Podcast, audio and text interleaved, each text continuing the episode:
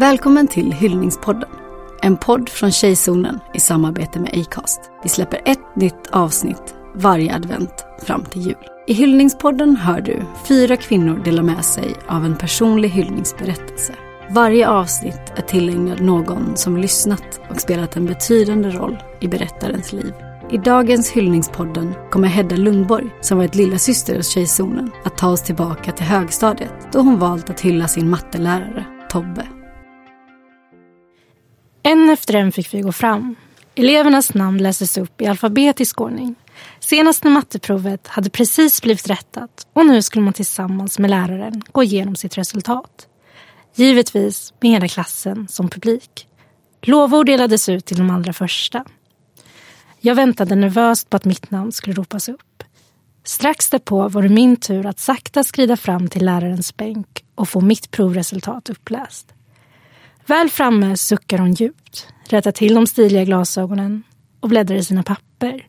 Vi går igenom samtliga räkneuppgifter och hon säger fel, fel och inte helt oväntat, men fel här också såklart. Jag tittar skamset ner i golvet. På det rutiga pappret framför oss fanns väldigt många siffror, bara inte rätt siffror som hon sökte. Trots mina bristande mattekunskaper kunde jag räkna ut en ekvation. Detta resultat var inget att hänga i julgranen. På första parkett sitter några klasskompisar som lyckats ruffa åt sig de allra bästa platserna. Jag känner deras nyfikna blickar i ryggen och det viskas lite i klassrummet. Hur svårt ska det vara, Hedda? Det här skulle till och med en apa kunna lista ut. Det utbryter hysteriska skratt. Publiken stornjuter. För mig var matte inte bara väldigt svårt utan också fasansfullt tråkigt. Jag tyckte inte om matte och tack och lov var det nog ett ömsesidigt ogillande. Matte tyckte definitivt inte om mig heller. Vi förstod inte varandra och kom aldrig överens. Matematikundervisningen i tidiga skolor var ingen succé och jag kunde inte rabbla multiplikationstabellerna utan till. Om mitt svar efter test var 1500 så hade mina klasskamrater minus 5 som svar. Det här var tyvärr inte en kortare fas utan höll i sig stadigt under skolåren. Efter några fler misslyckade matteprov meddelar min lärare att läget är ohållbart. Jag kan inte vara kvar i gruppen, säger hon och behöver därför byta. Skolan hade bestämt sig för att dela in eleverna i tre grupper. Här fanns den snabba gruppen där mattegenier och framtida professorer placerades. Sedan fanns det medelgruppen, inga genier direkt men lovande personer sades det. Den tredje gruppen gick under namnet långsamma gruppen. På rasterna skämtades det om att bara nollor placerades där. Jag fick berättat för mig att denna grupp egentligen hette den tröga gruppen. Såklart inte ett namn som skolan skulle kunna sätta, men inofficiellt i alla fall. Att få byta grupp var därför inte alltför spännande. Det var inga glädjeskutt till den nya salen som var belägen i andra änden av skolbyggnaden.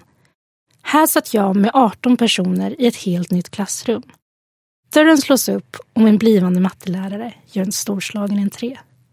Han drar fram en sliten stol och ställer sig på den och ropar Nu kör vi! Är ni redo? Gruppen svarar med ett jublande ja. Jag följer det som händer med stora ögon. Aldrig hade jag varit med om något liknande. Och dessa lektioner skulle komma att bli veckans höjdpunkt. Just tack vare gruppens engagerade ledare, matteläraren Tobbe, eller Torbjörn. Men det sistnämnda fick man egentligen inte säga. Då blev han inte så glad.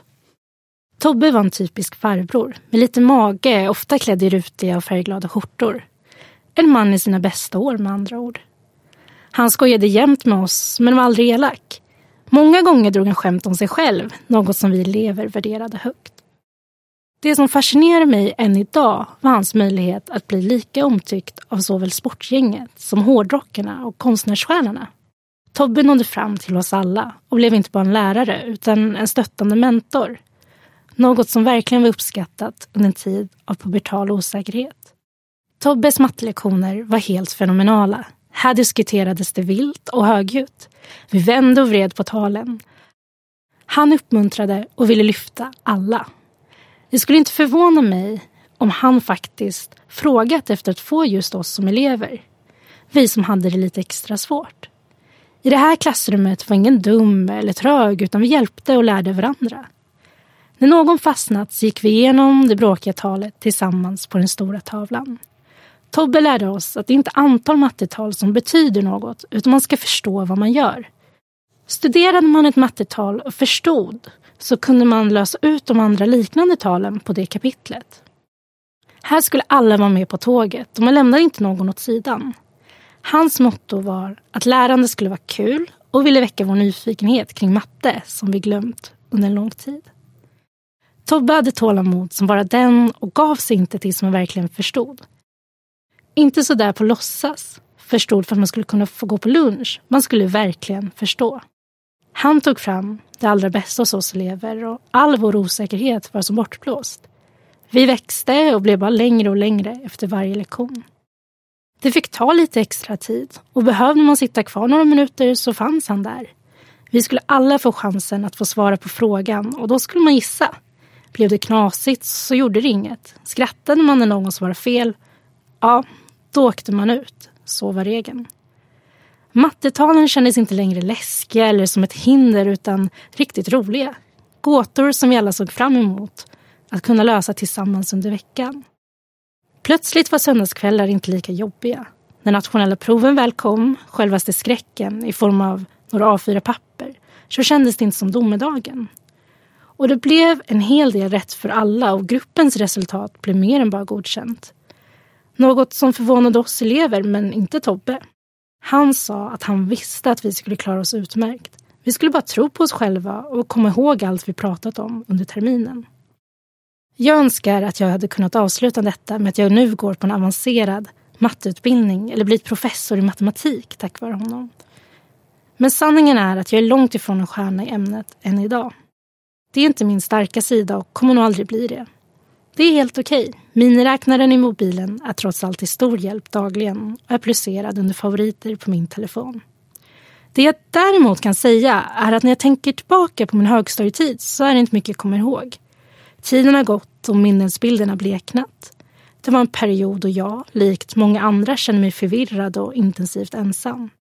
Jag har dock aldrig haft en så bra lärare. I hans klassrum var man bäst. Vi som aldrig sagt ett ord innan fick chansen att ta plats och äga rummet. Att ha en enastående lärare förändrar allt, oavsett vilket ämne det är. En lärare som når fram, inspirerar och inte ger sig. Det är dessa lärare som sticker ut och som man kommer ihåg när man ser tillbaka på skoltiden nu flera år senare. Jag nås dagligen av artiklar där man beskriver läraryrket som oerhört oattraktivt och att det har tappat sin status. Ord som dyker upp när jag gör en snabb sökning för lärare är låg lön, låg status, stress. Lärarbristen ökar samtidigt som studenter uppges fly yrket. Trots det vet vi alla, oavsett ålder, att en begåvad lärare sätter djupa spår. Likaså kan en mindre bra lärare lämna sina. Jag är väldigt tacksam att Tobbe valde att bli just lärare och inte la benen på ryggen och sprang. Han skrämdes inte av yrket utan omfamnade både sina arbetsuppgifter och oss elever med ett stort leende. Detta är något jag önskar att jag hade sagt till honom där och då. Hur mycket jag uppskattar honom och vilken fantastisk pedagog han var. Därför har jag nu valt att hylla och tillgängla detta avsnitt till min lärare Tobbe, även om dessa ord kommer några år senare. Han var en förebild som har gett mig kunskaper för livet. Inte bara lyckades han bota lite av min matteångest där i skolan, han stärkte mitt självförtroende och gav mig en förmåga att tro på mig själv även när saker är svåra. I hans klassrum ansågs det inte vara negativt att fråga och han skapade en stark trygghet. När jag idag inte greppar saker så känner jag mig varken dum eller trög. Har jag försökt länge utan succé, då tar nyfikenheten över och jag letar svar på annat sätt eller frågar om hjälp, precis som han lärde mig. Tobbe hade en så speciell förmåga att dela kunskap. Och det är just därför han blir oförglömlig. Lyssnare räddar liv. Vem vill du hylla? Var med och hylla alla de som lyssnat när ingen annan gjorde det. Med Tjejzonens hyllningsstory på Instagram. Swisha en gåva till 90 02 072. Läs mer om hur det fungerar på Tjejzonens Instagram, at Tjejzonen. Tjejzonen är Sveriges största stödorganisation för tjejer. Vi kämpar för tjejers rätt att bli lyssnade på och att den psykiska hälsan ska öka bland alla som definierar sig som tjejer mellan 10 och 25. Din gåva hjälper oss i kampen att öka unga tjejers psykiska hälsa.